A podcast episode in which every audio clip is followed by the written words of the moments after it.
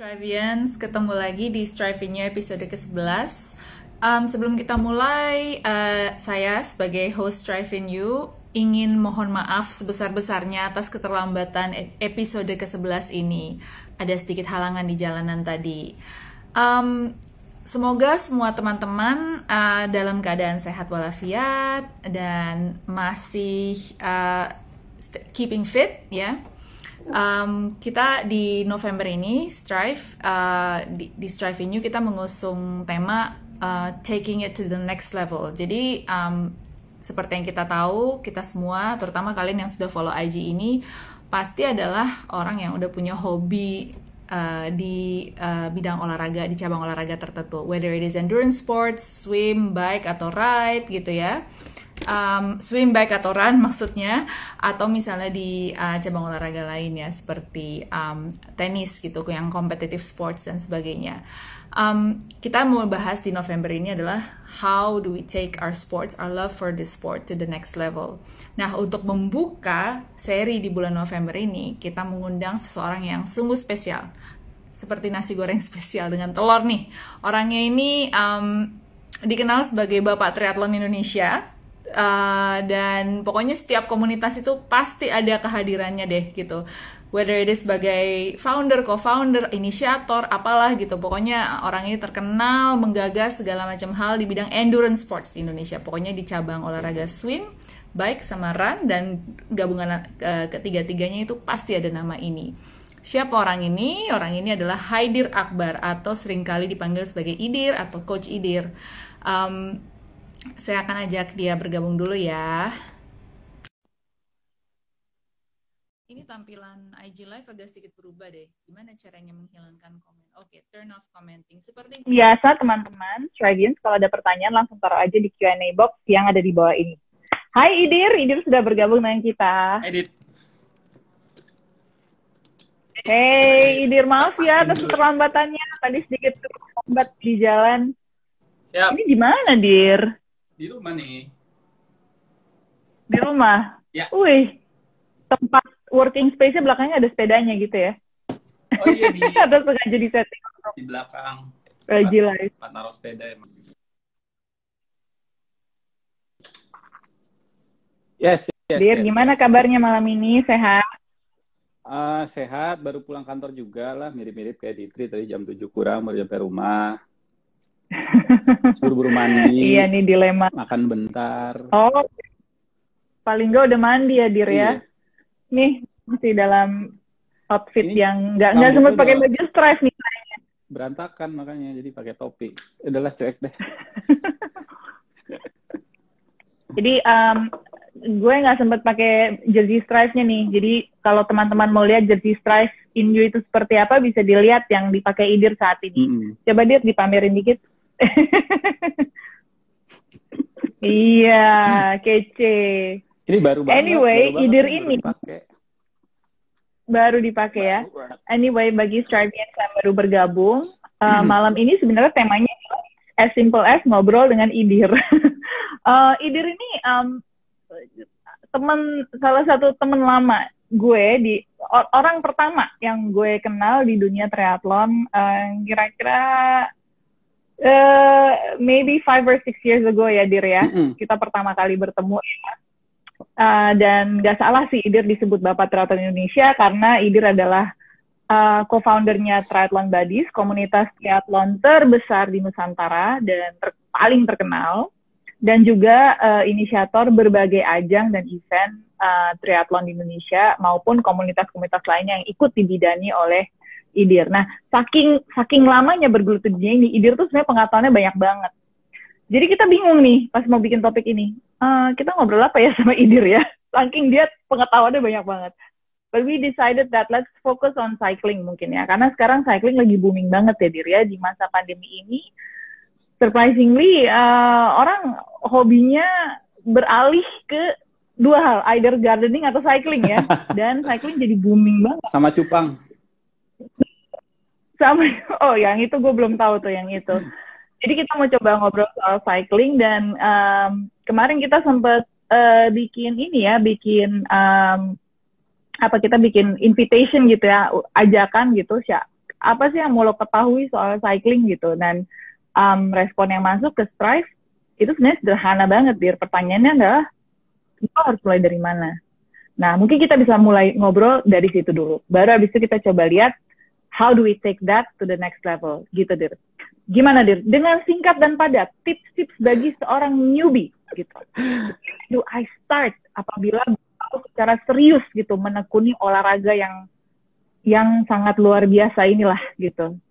Iya, uh, selamat malam semuanya, Ditri dan Aileen yang udah ngundang gue ke live IG-nya Strive Indonesia. Pertama gue mau appreciate dulu sama Strive Indonesia yang sering support komunitas-komunitas uh, dalam memberikan fueling ya buat kita konsumsi selama goes gitu. Jadi uh, senang banget nih lihat uh, local brand ya dari uh, local brand untuk spesifik sport gitu yang emang orang yang ngerjainnya tuh passionate gitu dari dari cyclist to cyclist. Jadi uh, dari awal Strive berdiri gitu ya, dari awal Strive muncul, gue udah coba tuh uh, produknya dan suka dan juga uh, promote juga sama teman-teman gitu. Karena kita uh, pengen punya dari Indonesia adalah satu yang menonjol ya gitu untuk produk-produk sportnya. Itu dulu yang pertama uh, kemudian bridging ke pertanyaan Ditri tadi, bagaimana sih mulainya? Nah kalau gue, gue sih inget ya dulu waktu waktu gue mulai sepedaan ya, atau waktu gue mau sepedaan gitu. Uh, gue membayangkan nanti pas sepedaan itu gue visualisasinya seperti apa. Jadi waktu gue zaman kuliah dulu, emang gue udah main sepeda, yang emang sepeda itu gue pakai buat bawa gue ke kampus gitu, karena gue nggak dikasih kendaraan sama orang tua gue. Terus pilihannya tuh either gue naik angkot gitu ya, zaman dulu itu, atau gue pakai sepeda karena uh, di rumah ada sepeda bekas orang tua gue, gue pakai. Ya udah, yang gue bayangkan adalah sepedaan itu alat transportasi buat gue ke kampus, kemudian balik lagi ke ke kosan gue dulu waktu zaman kuliah. Habis itu gue uh, uh, kerja gitu ya, ngantor uh, terus tinggalnya di luar pulau sempat tinggal di luar pulau nah di luar pulau itu enak gitu karena infrastrukturnya masih jelek jadi banyak banget rute-rute yang masih pristine dalam artian gini gue bisa masuk ke ladang hmm. ke jalan kampung. Jadi yang gue bayangkan adalah gue sepedaan itu off road gitu. Makanya gue beli MTB di sana gitu. Untuk gue pakai di hmm. jalan-jalan yang off road itu. Terus gue balik Jakarta gue bayanginnya tuh waktu itu uh, teman-teman gue kebetulan pada bike to work anak-anak rocketers. Mereka pada pakai sepeda lipat. Oh asik juga pakai sepeda lipat. Akhirnya gue beli sepeda lipat. Karena gue membayangkan bersepeda sama mereka gitu. Main sepeda lipat jadi gue main sepeda lipat MTB-nya gak gue tinggalin jadi gue tambah aja nih main MTB tambah main folding bike tambah sampai akhirnya gue ketemu sama yang namanya triathlon diintroduce sama temen gue dan dia bilang kalau triathlon itu lu bayangkan lu harus memacu sepeda lu dalam sebuah perlombaan uh, dengan efisien dan dengan optimal gitu. Jadi lu harus pakai sepeda yang emang bisa membawa lu uh, lebih cepat. Ya udah, yang paling cepat dan lombanya memang di jalan raya, ya gue harus punya road bike gitu. Akhirnya gue beli road bike karena gue membayangkan gue bakal bersepeda di jalan raya gitu. Setelah itu mengenal lah yang namanya long distance triathlon. Oh ternyata di long distance triathlon orang-orang pakai sepeda yang membuat dirinya itu lebih aero kalau road bike masih nggak ngejar tuh, apalagi kalau misalnya 90 kilo sampai 180 kilo sepedaannya dan sendiri, bukan peletonan. Mereka pada pakai uh, yang namanya triathlon bike atau TT bike. Kalau di road bike biasanya time trial bike istilahnya. Oh ya udah, gue coba aja beli atau membuat atau men-set up sepeda gue menjadi triathlon bike karena gue udah membayangkan bahwa gue akan sepedanya seperti itu gitu.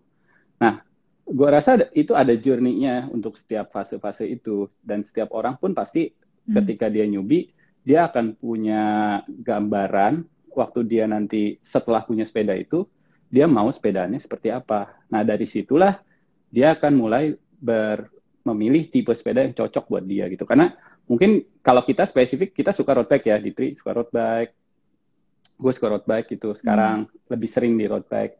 Tapi nggak masalah juga kalau orang suka mountain bike atau sukanya folding bike atau sukanya cruiser atau jenis sepeda yang lain, sama-sama main sepeda juga gitu. Yang penting kita bisa hmm. selalu membayangkan hmm. kita mau ngapain gitu. Sedangkan di road bike pun sekarang yeah. Iya. uh, banyak percabangannya juga. Kalau emang suka di jalan jelek-jelek, mungkin bisa coba yang namanya gravel atau yang agak cross country, cobanya uh, CX gitu. Jadi ada ada ada ada cabang-cabang di road bike juga yang berbeda-beda gitu. Nah, kalau kamu bisa Hmm, mem hmm, mem hmm. memvisualisasi pada saat punya sepeda itu kamu mau ngapain, di situlah kamu udah bisa menentukan mau beli sepeda apa untuk investasi kamu pertama gitu. Setelah itu baru ngomongin budget, sepedanya. Itu paling pertama pasti harusnya budget dulu gitu. Jadi kalau ada Iya, iya.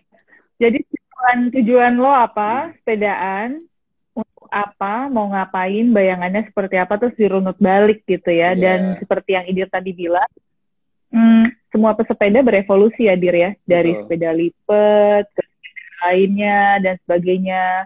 Atau dari road bike kemudian ke gravel bike kita juga sempat melihat evolusi seperti itu ya, di mana teman-teman kita atau bahkan dari triathlon sekarang mainnya Sally gitu ya. Iya, iya, iya, iya. Jadi itu ada itu ada journey-nya masing-masing. Iya. Dan emang nggak harus menjadi makin advance. Nggak ada yang advance gitu menurut gue kayak at some point dalam hidup lu, lu ngerasa lu comfort dengan sepeda lipat, lu main sepeda lipat. At some point of your life, lu sukanya main gravel, lu main gravel.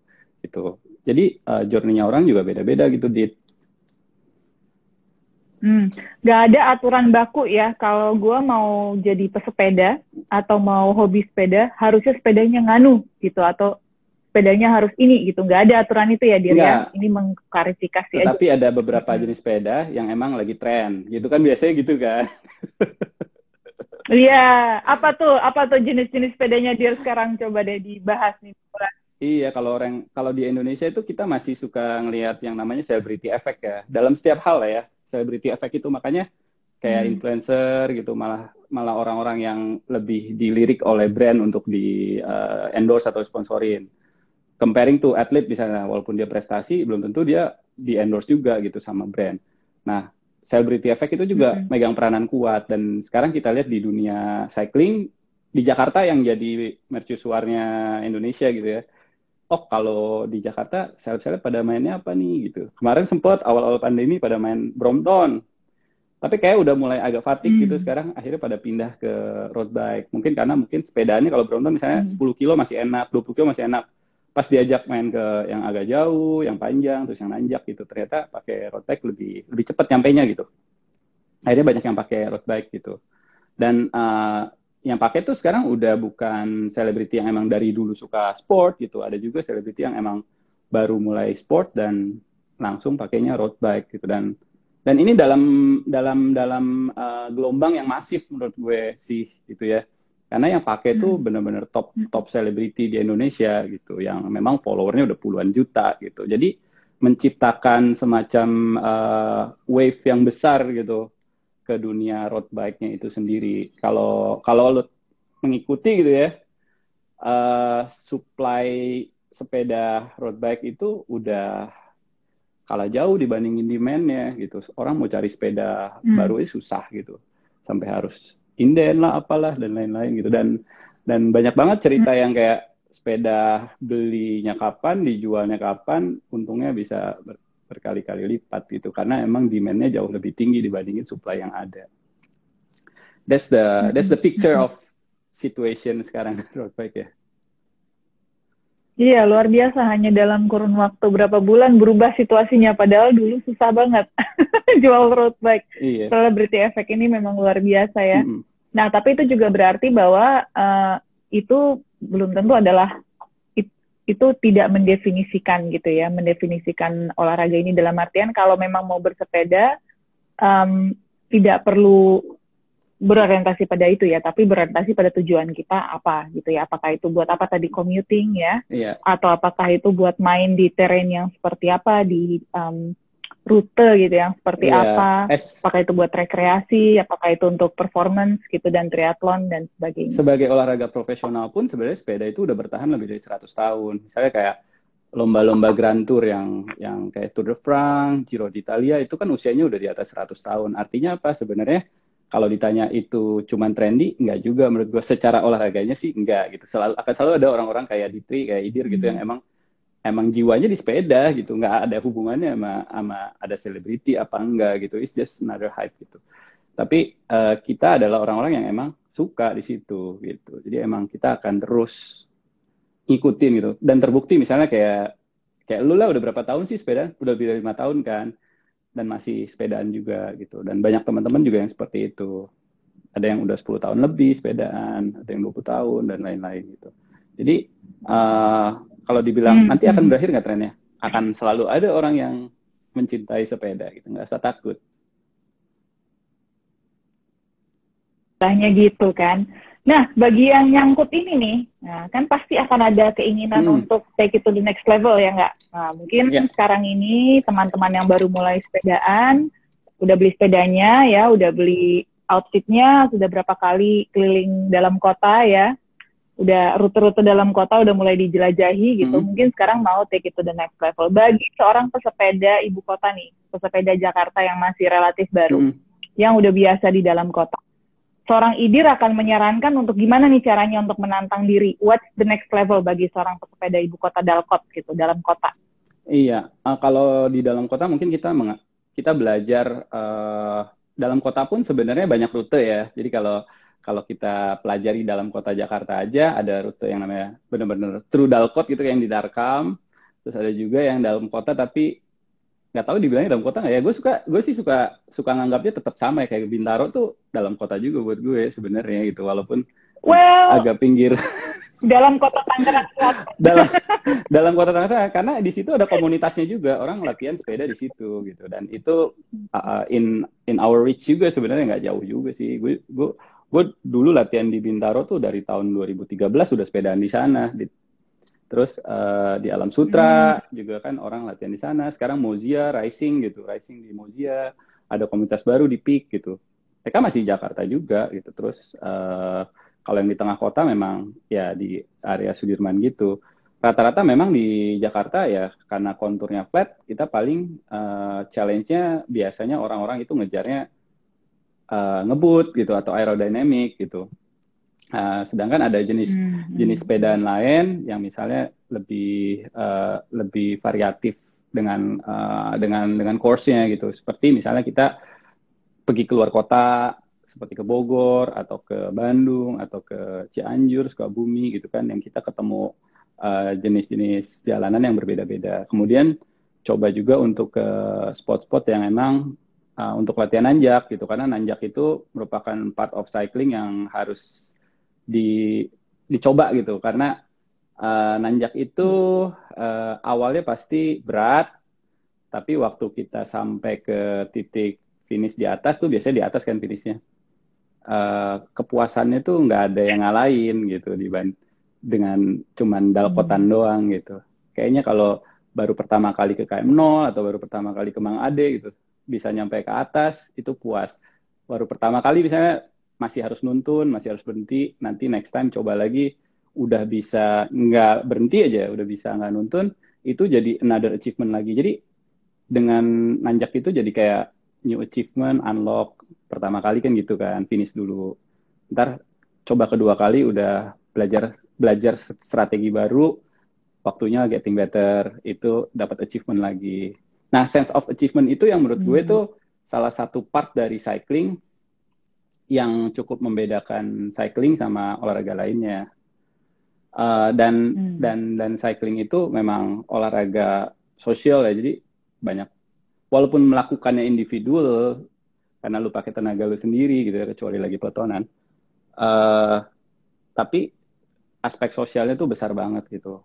Dan orang Indonesia tuh emang suka Jadi- banget gitu olahraga yang sosial Oke, sorry, Dir. Hmm. Sense of achievement menyelesaikan suatu rute, gitu ya maksudnya, Dir? Atau menyelesaikan, atau nanjak, gimana maksudnya sense of achievementnya? Iya, kalau kalau udah suka eh, sepedaan tuh biasa pakai aplikasi Strava misalnya.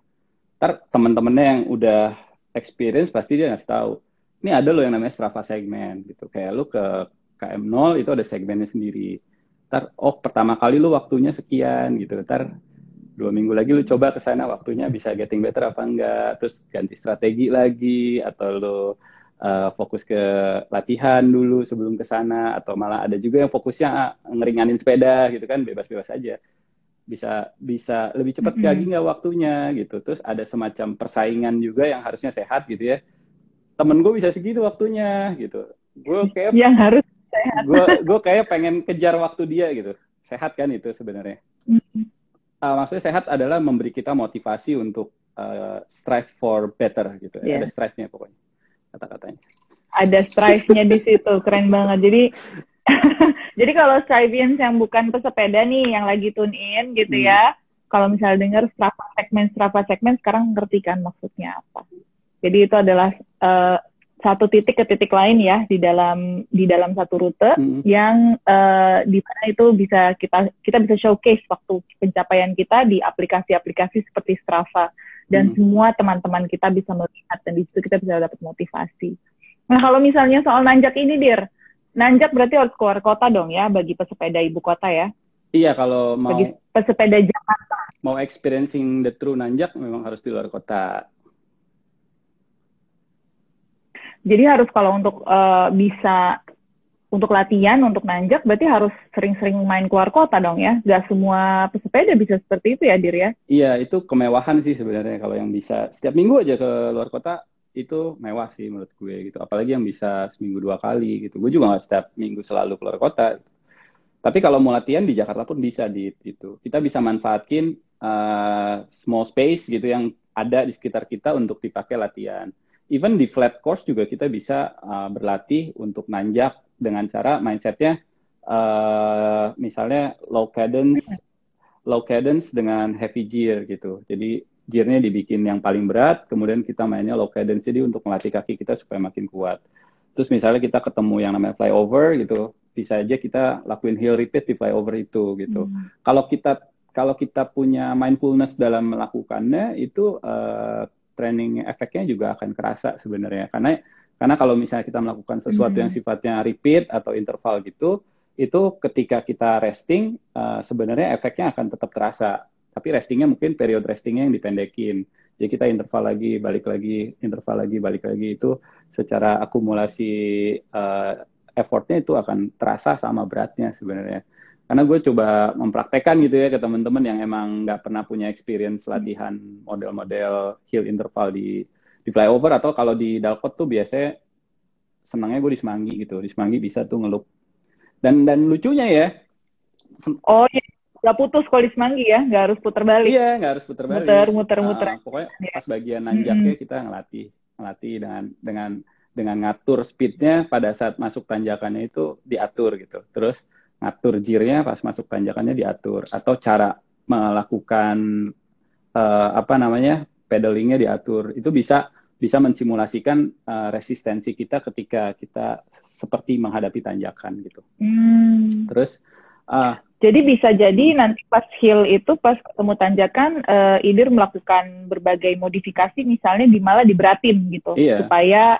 melatih. Betul. Malah malah malah di, di diberatin gearnya Mm-mm. Supaya ketika melalui tanjakan yang walaupun kecil itu tapi bisa mensimulasi mungkin tanjakan yang eh, grade-grade-nya lebih tajam daripada yang ada di Semanggi itu gitu ya untuk untuk untuk melatih kaki gitu ya ceritanya ya. Iya, bisa, bisa seperti itu. Rata-rata sih kalau kita ke tanjakan-tanjakan di luar kota itu kita biasanya steady effort ya, nggak yang attack, attack, attack gitu. Ini kan dalam bukan dalam situasi lomba ya. Kalau dalam situasi lomba kan itu lebih ke tactical gitu, kayak ngelihat situasi aja, dinamis apa enggak, ada yang attack apa enggak, lo harus uh, following apa enggak gitu. Tapi kalau lagi kondisi normally lu cuman kayak ke segmen gitu, sebenarnya dari awal sampai akhir lu steady state gitu. Ya nggak sih? Bener nggak steady state gitu. Tapi kalau lagi latihan lu bisa kayak mensimulate-nya di intensity yang lebih tinggi lagi. Misalnya kayak kalau ke KM0 eh, biasanya orang 30 sampai 50 menit deh atau sampai satu jam gitu. Berarti kan lu kalau satu jam mainnya di FTP effort gitu. Kalau misalnya main pendek-pendek lu bisa main di maybe kalau in my case 160% FTP gitu. Ketika lu attack si itu si si tanjakannya. Jadi latihan yang jauh lebih berat dengan gear yang lebih berat sehingga nanti pada saat ketemu tanjakannya eh, effortnya diturunin tetapi kita udah paham tuh rasa beratnya tuh di titik mana sehingga eksekusinya jadinya kita bisa oh iya iya nih rasanya kayak gini nih gitu Hmm, hmm. Nah, untuk bisa mencapai itu berarti harus ada ini ya, Dir ya, harus ada em, struktur ya latihannya ya, supaya kita bisa nanti kalau misalnya kita ada ada kesempatan untuk pergi ke luar kota, apakah itu Sentul atau atau apakah itu lebih jauh lagi misalnya ke daerah Jawa Barat itu kan banyak tuh Iya. ya tanjakan-tanjakan yang lumayan menantang. Um, itu berarti harus harus latihan terstruktur ya. Eh, apa yang kira-kira dalam dalam periode waktu tertentu gitu apa yang what would you recommend gitu untuk latihan supaya menguatkan kaki supaya bisa tackle tanjakan seperti tadi KM0 atau mungkin tadi tanjakan klasik lainnya kan yang di luar kota bagi pesepeda Jakarta tuh adalah dari Gadok ke puncak ya ke eh, Mang Ade di puncak atau rindu alam ya kita su- suka bilangnya rindu alam ya eh, Dir ya. Iya. Nah sebenarnya kayak kayak orang yang tinggal di Bandung, Semarang, Malang gitu ya, itu mereka sangat beruntung sekali ya karena keluar rumah udah langsung nanjak. Jadi tiap hari ketemu rute nanjak, nanjak, nanjak. Otomatis tuh mereka emang kuat-kuat gitu. Emang kalau orang Jakarta jadinya harus agak lebih smart lagi kalau mau latihan gitu. Tetapi dalam beberapa kesempatan banyak orang luar juga yang kaget, oh ternyata orang Jakarta bisa nanjak juga gitu. Gue termasuk orang yang minimum banget tuh nanjak ya kalau lu perat kalau lu kalau gua buka data Strava gue ya total elevation gue buat nanjak tuh very low dibandingin teman-teman gue yang emang punya kesempatan waktu lebih banyak untuk latihan gitu. Tapi kita bisa dengan mindfulness itu kita bisa ngelatih dengan situasi yang situasi yang kita punya gitu. Memang paling mudah sih sebenarnya latihan aja di indoor trainer itu cara paling gampang ya. Tapi karena kita lagi Hmm. sukanya uh, goes rame-rame gitu misalnya kayak di Dalcott itu ya eh, jadinya kita man- eh, manfaatin waktu misalnya kita punya punya tiga empat kali goes waktu goes setiap minggunya gitu jangan semua waktu goesnya kita peletonan gitu ada satu atau dua kali yang misalnya kita memang uh, sendiri atau cari temen yang emang sama-sama mau coba latihan yang uh, yang yang yang memberikan variasi ke kita untuk goesnya gitu maksudnya gini Memberikan variasi. Iya, variasi. Ya, kebanyakan orang misalnya maunya cuma peletonan aja, terus peletonan maunya gandol aja gitu. Jadi gitu-gitu aja kalau goes. Kebanyakan goesnya tuh comfortably hard gitu. Jadi hard, hard, hard, tapi they they Hmm. already too comfort with that situation gitu. They never go to very hard session gitu. Nah, kalau kalau Hmm. kalau lu tahu cara melakukannya untuk melakukan the very hard session dan tahu cara melakukannya juga untuk very easy session, jadinya lu punya variasi yang cukup banyak gitu dalam hal melatih skill lu dalam uh, berbagai uh, intensity. Berbagai intensity itu melatih berbagai sistem dalam tubuh kita, aerobic system, anaerobic system kita, melatih Hmm. baktet kita, melatih threshold kita, melatih VO2 max kita gitu. Kalau kita tahu bahwa uh, untuk untuk bisa berkembang as a cyclist itu butuh banyak skill, uh, kita latih satu-satu gitu. Kalau kita cuma punya satu jenis tipe ride, akhirnya uh, ada development yang terhambat gitu. Sebenarnya masih banyak cara untuk lu bisa Hmm. berkembang lebih jauh lagi sebagai cyclist. Iya, iya, iya. Jadi itu kuncinya ya untuk take it to the next level. Salah satu yang paling penting adalah memvariasikan latihan kita gitu. Jangan hanya satu jenis aja goesnya. Tadi kita udah bicara soal mixing it up gitu. Jangan cuma di dalam kota, tapi juga keluar kota, cari tanjakan Hmm. gitu kan. Terus juga soal latihan, kalau misalnya pun kita stuck latihan di dalam kota, hanya bisa keluar dan latihan di dalam kota. Tadi Idir udah kasih usulan yang keren banget. Jangan hanya mau peletonan. Don't settle for wherever you are right now gitu ya. Jadi sisakan waktu untuk untuk um, menciptakan variasi dalam latihan, apakah itu latihan sendiri, naik turun semanggi dengan berbagai intensitas gitu. Yang penting challenge uh, diri kita dengan berbagai intensitas dan berbagai jenis latihan. Apakah juga termasuk ini, Dir? Ada nggak misalnya bagi pesepeda ya, jenis-jenis latihan uh, off saddle, yang maksudnya off saddle tuh maksudnya tanpa sepeda ya, di luar bersepeda, Hmm. yang uh, yang uh, yang harus kita lakukan untuk bisa naikin skill kita dan kemampuan kita to the next level. Iya, kalau buat even the pros masih du- masih melakukannya ya untuk uh, di luar sepedaan dia tetap ada sesi-sesi dia untuk fokus ke strength and conditioning gitu. Nah sebenarnya kayak paling utama tuh di sepeda untuk uh, untuk kekuatan kita yang pertama itu core-nya harus bagus karena core itu penahan kita untuk di berbagai situasi pada saat bersepeda ya. Mau lo titi titi position, lo mau off saddle, uh, off saddle beneran ya bukan off off sepeda gitu. Mau mau lo harus sprint, saddle, mau lo harus sprint gitu. Lo harus punya core yang kuat untuk bisa menjaga posisi hip lo supaya uh, stabil gitu. Nah jadi ya uh, basic core aja sebenarnya nggak nggak ada yang terlalu sulit. Kalau lu sudah terlalu terbiasa, misalnya dengan jenis basic core, barulah lu mau start variation yang lain gitu. Kemudian uh, kalau ditanya uh, otot apa yang paling dominan di sepeda, eh, maybe 65% power kita outputnya datangnya dari paha gitu ya. Jadi latihlah paha itu karena itu otot paling besar yang paling berpengaruh untuk sepedaan kita gitu.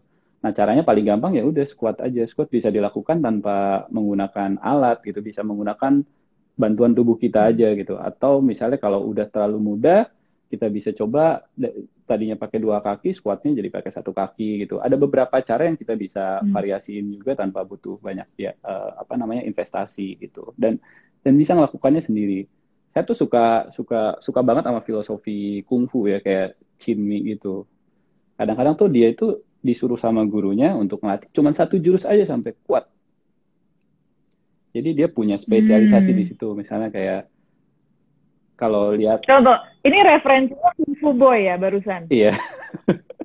Kan banyak loh itu pelajaran berharga aja dari Kung Fu Boy gitu kayak dia cuma cuma latihan kuat doang itu kayak latihannya solid kan cuma mukul mukul mukul mukul nanti tangannya udah bisa tahan hmm. ngeginiin uh, pohon sampai belah juga bisa gitu sama aja coba aja misalnya diulang ulang iya. hal yang sama terus makanya gitu, kalau kan? ngasih kalau ngasih saran ke teman-teman mau mau mau latihan strength conditioning jangan terlalu mikir yang aneh-aneh just mastering one skill aja kayak di di latihan strengthnya misalnya just do the squat misalnya do 200 times every day gitu atau 200 times at your easy day aja gitu jangan pas yang hard days but just do it gitu just hmm. do it hmm. and nanti lu pasti ketemu nanti manfaatnya gitu Oke, okay.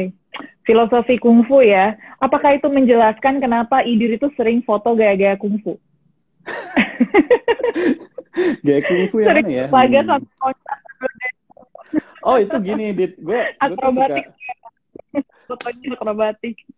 Uh, bukan sih sebenarnya kayak gue nggak tahu ya. Awalnya kan nggak kayak gitu juga. Cuman lama-lama lu mau nggak mau harus ngelatih balance di sepeda gitu. Nah ketika balance lu makin develop, akhirnya lu jadi bisa melakukan hal-hal yang sebelumnya nggak yakin lu bisa lakukan gitu karena lu punya confidence ketika berada di sepeda ketika sepedanya udah menyatu dengan tubuh lu lu jadinya lebih tahu titik-titik balance-nya di mana. Nah seperti ini uh, lu pengen nanjak kan tadi gitu ya. Sebenarnya nanjak itu skillnya banyak nggak cuma power doang gitu. Makanya ada satu titik misalnya ketika lu ketemu tanjakan yang uh, gradiennya di atas 20%. Terus power lu terbang. Waduh, itu begini ya? Iya. Bentar. Itu nah, ada buat ini ilustrasi bagi audiens yang nonton yes nah biasanya tuh kecepatan sepeda lu itu sudah di bawah 5 km per jam oh iya iya kan kalau kalau gradiennya udah 20 persen yeah. kecepatan sepeda lu sudah di bawah 5 km per jam misalnya ya ini gue ambil yang umum aja nah hmm. sekarang lu bisa nggak bersepeda di kecepatan di bawah 5 km per jam di flat Ah, itu oleng gue. Iya. Nah, itu juga menurut gue skill yang perlu lu pelajari. Jadi gue cara ngelatihnya hmm, adalah gue dengan okay. dengan gue setiap hari sepedaan ya, gue hampir tiap hari sepedaan karena gue bike to work juga kan. Kalau gue ketemu lampu merah, gue itu nggak turunin kaki dari pedal. Sengaja dipelanin hmm. gitu, pelan aja. Dan I do it all all the time.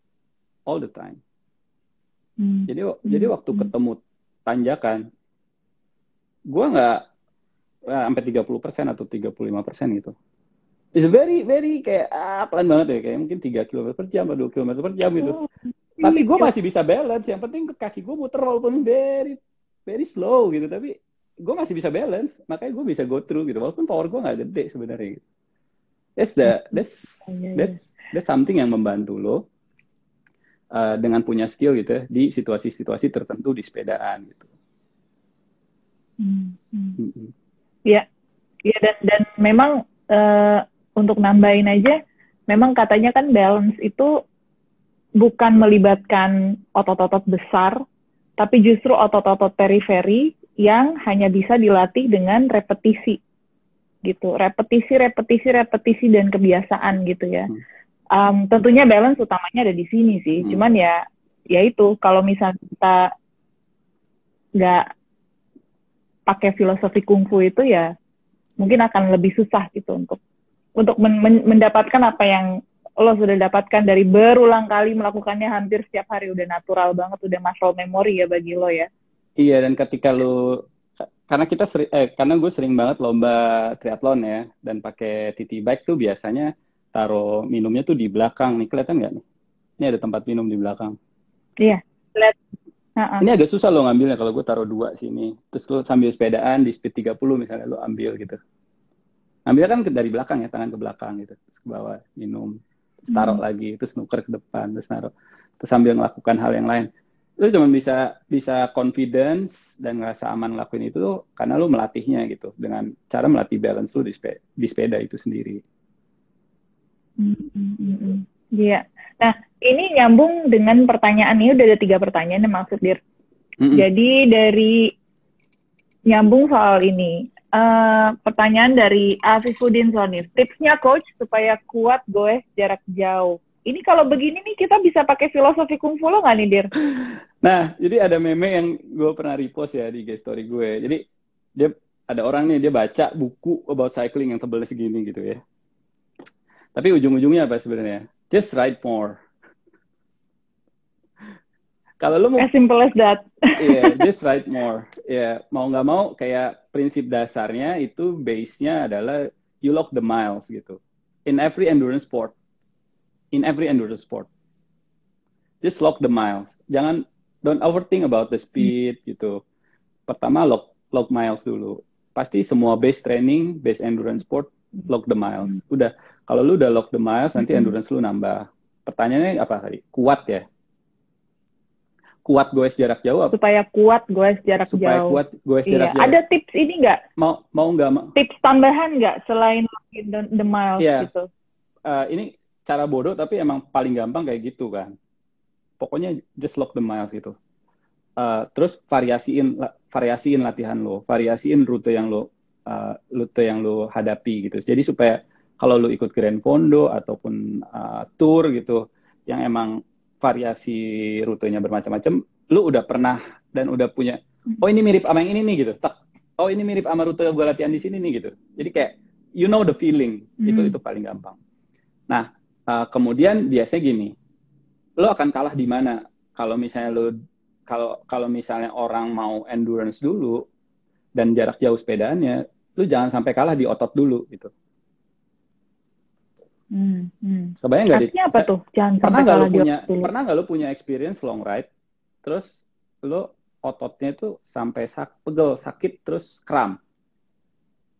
Bahkan kram, iya, Pernah kan? sering. Pernah. Di awal, iya. Iya, penyebabnya bisa macam-macam, tapi as simple as otot lu nggak siap sama beban yang akan lu hadapi saat itu, gitu. Hmm. Hmm, Oke. Ya kan? So you tra- Jadi pada pada ujungnya harus iya, login the miles. ya so you train supaya bisa seperti itu. Kalau latihan lu misalnya cuma terbatas di satu jam, satu jam, satu jam ya, kayak di Dalkot tuh rata-rata orang latihan cuma satu jam, karena abis itu traffic kan terlalu berat ya. Lo pasti misalnya lu udah bisa peletonan 40 km per jam atau lu bisa narik sendiri 40 km per jam misalnya ya. Uh, when you do the long ride itu sebenarnya cara lu mengatur intensity. Kalau you do the Hmm, hmm. kalau you do the long ride, misalnya lu biasa satu jam 40 kilo gitu dalam kota, lu bisa 100 kilo di berapa jam supaya otot lu bisa tahan. Hmm, Itu harus hmm, harus hmm. harus lu atur juga. Jangan sampai lu kayak overburn di depan karena lu ngerasa lagi powerful baru mulai ride, terus lu langsung Iya. main gas-gas dulu di depan. Sedangkan lu nggak tahu caranya untuk ngatur eh, atau belum punya pengalaman untuk mengatur sebagaimana effort yang sustainable buat lu untuk jarak yang akan lu achieve gitu. Belum lagi kalau misalnya itu Ibaratnya nut mm, Hmm. Ya. Iya, ibaratnya Nutella, Hmm. ya, lo harus berstrategi nih dalam spreading Nutellanya nih. lo seberapa banyak otot lo seberapa gede nih Iya. untuk bisa di kecepatan berapa, di intensitas berapa untuk untuk jarak yang seberapa Iya. jauh gitu ya, Dir ya maksudnya. Iya. Artinya walaupun lo bisa satu satu jam 40 kilo di Dalkot, bukan berarti lo bisa goes dengan kecepatan yang sama untuk 100 km karena itu waktunya akan lebih lama ya tentunya. sebenarnya ada satu kecepatan di mana lu bisa sebenarnya goes nggak berhenti berhenti sampai at the level of ex- exhausted gitu. yang disebut sebagai endurance zone. Nah, kalau lu bisa bersepeda di intensitas itu gitu. Misalnya kayak yang balik lagi kayak tadi, misalnya lu udah udah bisa narik sendiri 40 km per jam gitu ya. Terus lu mau sepedaan 200 kilo, yang agak ekstrim ya, lu mau sepedaan 200 kilo gitu. Uh, uh, ketika lu melakukannya di endurance zone lo, lo pasti bisa achieve. Oke. Okay. Iya nggak sih? Percaya nggak? Tapi cari tahu endurance zone-nya ini yang. Tapi harus punya tricky. strategi juga karena lu akan ride misalnya oh. uh, di atas 5 jam, ya kan? Jangan sampai lu ada energy depleted. Itu udah ngomongin hal yang lain gitu. Itu udah ngomongin nutrisi, Berarti ngomongin fueling. Di apa? Nutrisi. Iya. Ya, di refueling dong di ya. Di refueling. That's why lu perlu juga mengetahui tipping point dari kebutuhan nutrisi dalam tubuh lu sendiri gitu. Memang ada beberapa rules yang kita bisa terapin ya. As simple as misalnya, kalau hmm. lu latihan pagi-pagi di Dalcott satu jam, you don't need to eat anything. Airnya lu nggak perlu masukin kalori selama lu lagi ride. Lu cuma butuh air putih aja sebenarnya. Kalau lu sepedaan hmm. uh, di atas satu jam dan is a very low intensity gitu, uh, lu bisa eat real food gitu atau kalau misalnya lu mau agak kenceng, lu eat the simple sugar aja gitu, kayak karbohidrat yang yang mudah di convert jadi energi. Terus uh, you play with the intensity gitu. Kalau lu main di 65% FTP, kayaknya lu bisa go through sampai 150 kilo, sampai 200 kilo itu masih aman gitu. Tapi kalau you go yeah. 85% FTP, maybe you can only stand for 90k gitu. Nah, cuma setiap orang tuh punya punya range yang agak beda gitu. Makanya kalau dalam strategi di triathlon gitu ya, kalau gue uh, mm-hmm. eksekusi sepedaan 90 kilo individual time trial gitu, gue akan mainnya misalnya di uh, 82 persen FTP gue di di kisaran segitu. Kalau pros bisa di 85, mm-hmm. 87 persen karena mereka udah terbiasa main di higher intensity mm-hmm. gitu.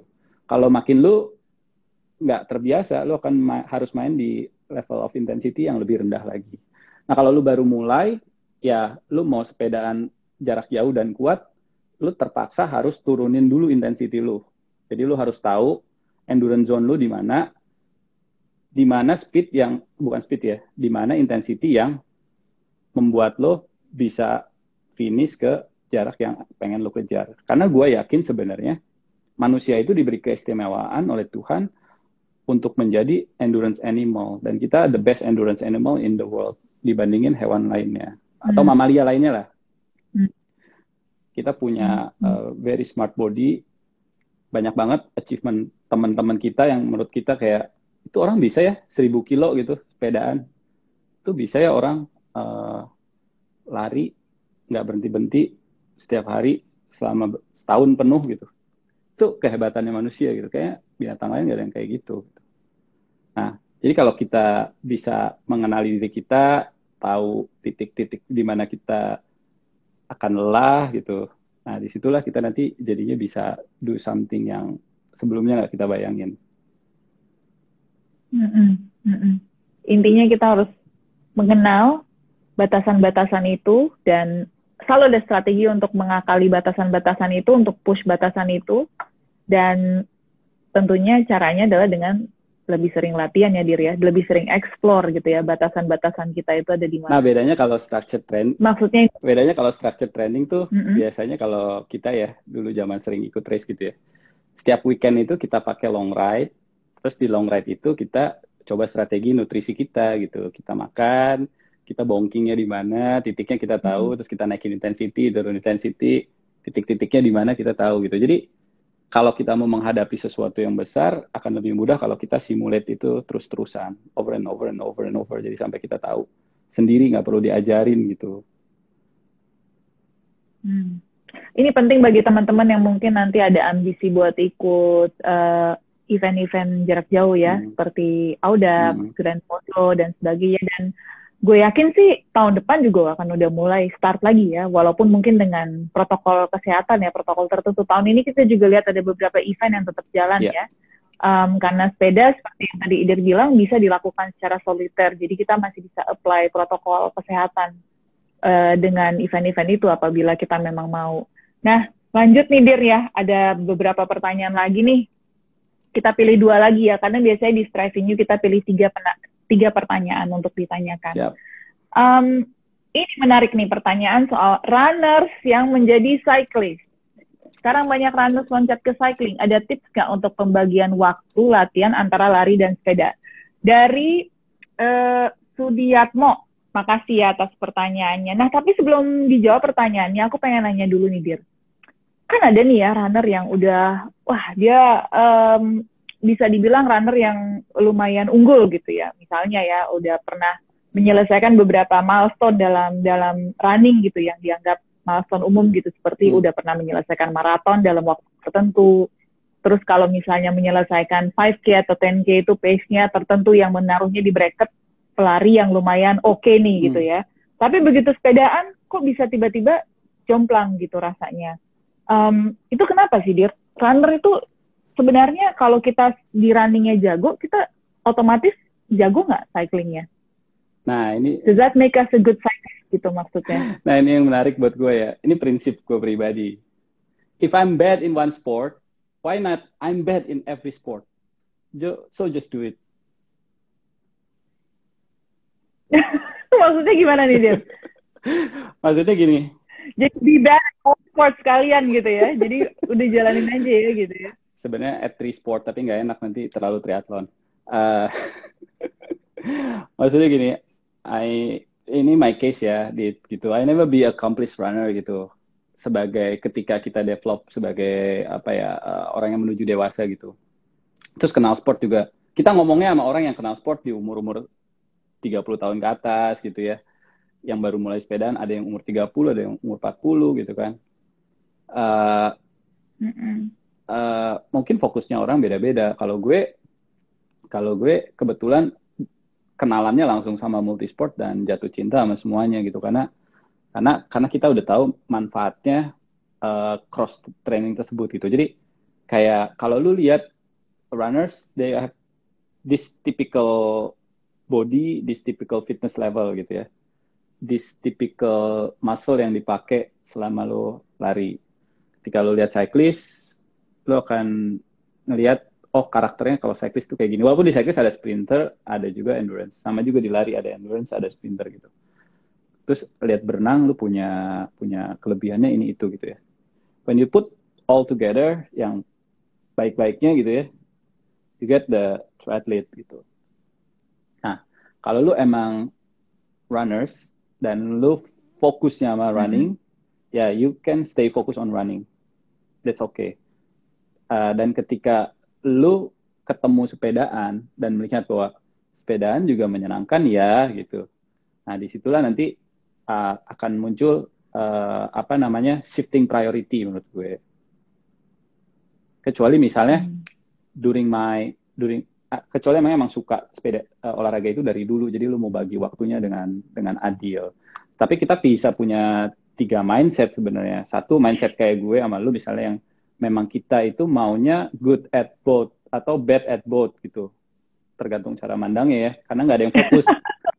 Tergantung cara lihat ya betul. Karena nggak ada yang fokus gitu kan. Bukan nggak ada yang fokus. We we stay focus on two different and uh, we create the environment yang emang kita bisa develop di dua hal itu gitu.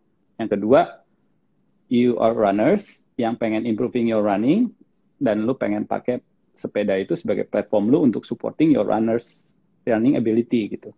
Dan yang ketiga, you are a cyclist yang emang pengen running to get the benefit of running as a cyclist. Oke? Itu oke. ada Jadi tiga- perbedaannya jelas di situ. Iya, pertama lu Tiga kategori. Nah, Atau- soalnya kan tadi Hmm, pertanyaannya Atau kategori keempat sekarang apa tuh?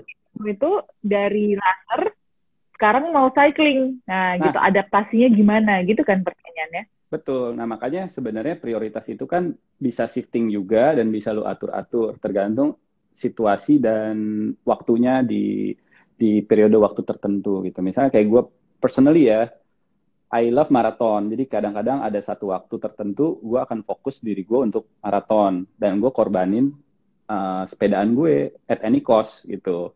Hmm. Gue tetap sepedaan, Hmm, tetapi hmm. sesinya gue rubah. Sepedanya menjadi no high intensity bike gitu atau uh, nggak yang endurance-nya nggak yang ratusan kilo gitu. Gue pasti menjaga tubuh gue agar gue siap untuk uh, my key session di lari. That's the perspective as a runner gitu. Terus kalau sebagai cyclist, uh, lo pasti ada momen-momen walaupun lo cinta banget sepedaan, di mana lo benci banget sama saddle. Misalnya you just hmm. you just do ada banget, yeah, yeah. you just do Audax 400 gitu. Lo pasti pengen berhenti sepedaan seminggu dulu gitu. Ada juga yang orang yang mentalitinya kayak gitu. Lo nggak mau lihat sepeda tapi lo tetap pengen gerak. You do the run gitu. Or you do another sport. Ada yang ada yang suka strength training, ada yang suka berenang dan lain-lain gitu.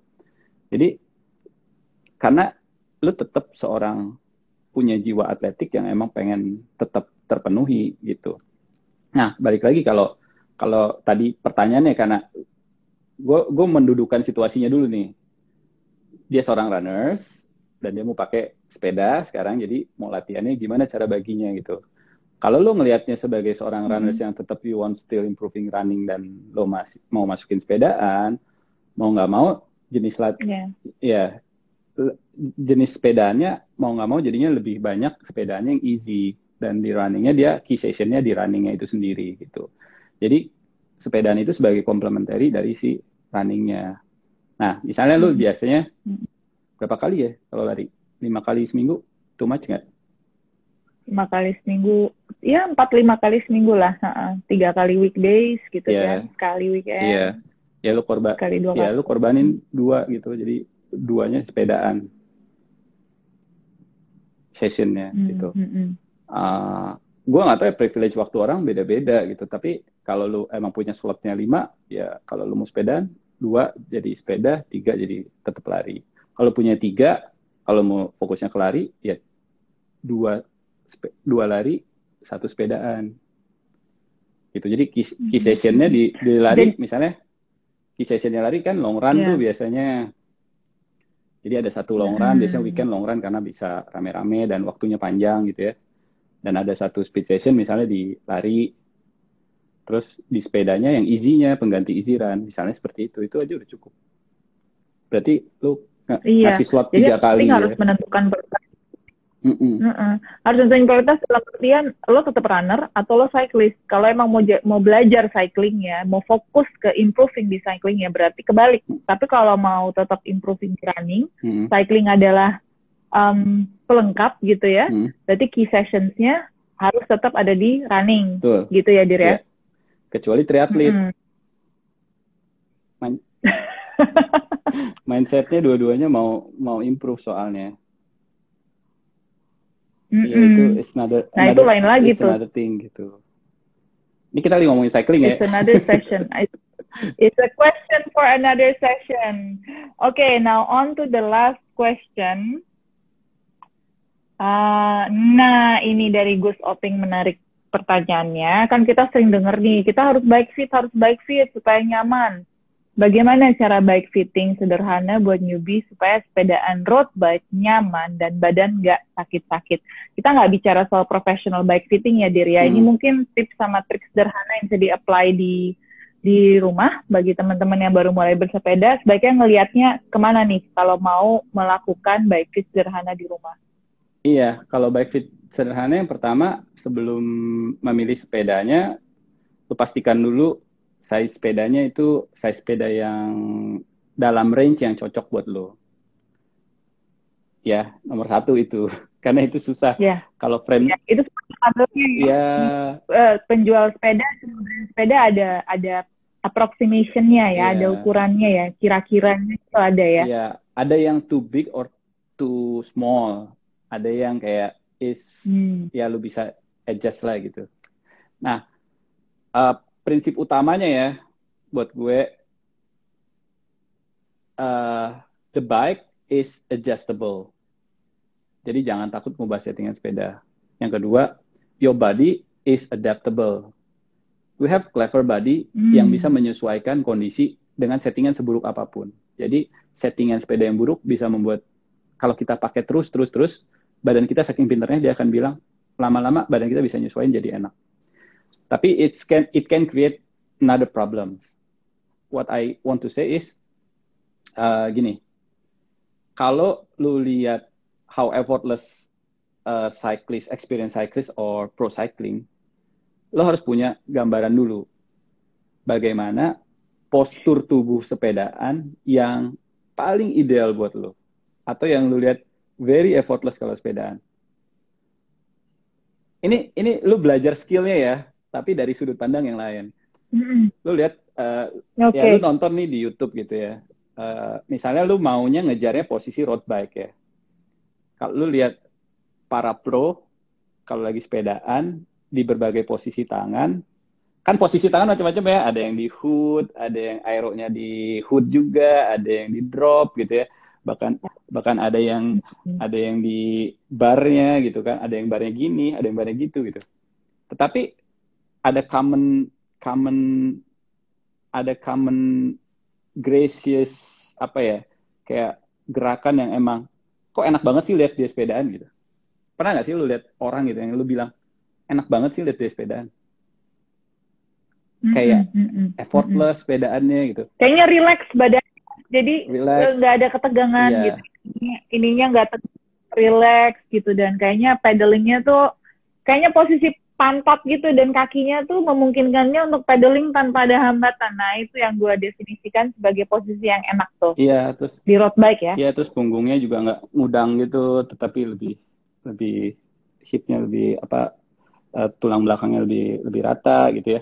Nah pertama visualisasi dulu, lu udah tahu tuh pos secara visual ya, bukan dirasain nih. Secara visual tuh bentukannya orang kalau sepedaan yang bagus tuh seperti apa, lu udah ngerti gitu. Terus yang kedua merasakannya. Nah ini harus di fase-fase Hmm. awal nih karena Hmm. lama-lama lu kalau stay with the wrong settingan dia akan jadi settingan yang nyaman buat lo. Kalau lo pakainya udah dua, udah tiga enam bulan, settingannya salah, lo kan ngerasa nyaman. Lo rubah ke yang settingan bagus, jadinya Hmm. settingan benernya jadi nggak nyaman gitu. Oke. Ya. Yang yang yang pertama menurut gue kalau setelah hafal itu ya visualisasi lo tahu, terus lo sudah mulai bisa ngerasakan, merasakan tuh gini. Yang lo bilang tadi, gue bisa relax di sepeda, tuh rasakan ya. Hmm. tidak ada tension yang menyebabkan gue terganggu sepedaannya. Misalnya kayak, kok bahu gue sakit ya sepedaan? Kok tangan gue enam, padahal baru sepedaan 10 menit? Kok kaki gue, Iya. ya kaki gue nggak Iya. bisa ngerasain apa-apa ya padahal gue sepedaan. Terus lutut gue kok sakit sepedaan? That's a sign of problems. Ya, pokoknya kalau lu Iya. kayak gitu, Iya. that's a sign of problem dan harus lu selesain dan lu cari penyebabnya dengan segera gitu. Nah, kita balik lagi nih. Sekarang udah ma- mulai masuk apa sih yang harus disetting terlebih dahulu. Nah, yang pertama menurut gua itu tinggi saddle dulu. Jadi si pose-nya diatur tinggi tingginya. Ah, paling gampang kan taruh heel di pedal, terus lu pas eh, lu duduk di sepeda, copot dari klip, taruh heel lu di pedal. Nah, kalau lu bisa puterin tuh pedal ke belakang dengan heel lo, nah itu udah jadi benchmark yang cukup pas. Jadi starting point-nya di situ. Hmm. Biasanya sih kalau experience bike fitters, dia akan saranin untuk turunin perlahan-lahan. Jadi kayak 3 mm drop gitu. Dari titik itu. Hmm. Karena gini loh, kadang-kadang perspektif orang soal nyaman itu juga beda-beda dan orang tuh juga punya diskrepensi kaki berbeda-beda, bentuk kaki beda-beda, ada yang diskrepensi, ada yang enggak gitu kan kita nggak pernah tahu. Iya. Nah, tetapi biasanya kalau gue tuh tipping point-nya tuh start dari situ terus turunin dikit-dikit gitu. Dikitnya starting from Oke. 3 mm and then you just ride gitu kayak seminggu riding atau lo nanti coba Terus evaluasi. ya rasain lu bisa keluarin power yang lebih gede apa enggak dengan dengan settingan yang lu rubah sedikit gitu. Kemudian lu atur si saddle-nya, maju mundurnya, Depan paknya maju mundur maju ya. mundurnya, Heeh. sama tilt-nya. Jadi posisi dia uh, starting with flat aja dulu Mm-mm. pokoknya. Jadi pakai apps aja di HP kan ada apps namanya water pass gitu. Lu taruh tuh di saddle lo, Mm-mm. starting flat, habis itu nanti lu cobain agak turunin dikit. Kalau posisi lu stack height-nya, stack-nya emang, eh, maksudnya gini, pakai bahasanya terlalu teknis ya. Saddle lu di atas, handlebar lu di bawah, Saddle lo lebih ini sadel nih. Handlebar Ini ya. sadel lu, ini handlebar lu gini kan, di bawah- segini levelnya gitu, lebih Iya, tinggi. Iya, nah mungkin baru Ah. lu bisa tilt agak jadi negatif gitu, Tit, turunin dikit gitu. Jadi kalau Nah. satu ngerilis pressure, yang kedua supaya hip placementnya pas gitu. Oke, nah sebelum sebelum ini menjadi terlalu teknis Hmm. itu menurut gue udah tips yang sangat baik untuk dilakukan di awal. Kita soalnya udah kehabisan waktu Oh, iya. nih, Dir. Kayaknya kita bentar lagi at any time Instagram akan ngasih kita warning tinggal Oh, menit. oke. Jadi sebelum kita mencapai titik itu, kayaknya sebaiknya kita wrap up. Karena biasanya awkward tuh kalau langsung dipotong sama Instagram. Hmm. Thank you banget, Dir, udah menyediakan waktu hampir sejam, kurang berapa menit nih ya untuk ngobrol sama kita malam ini.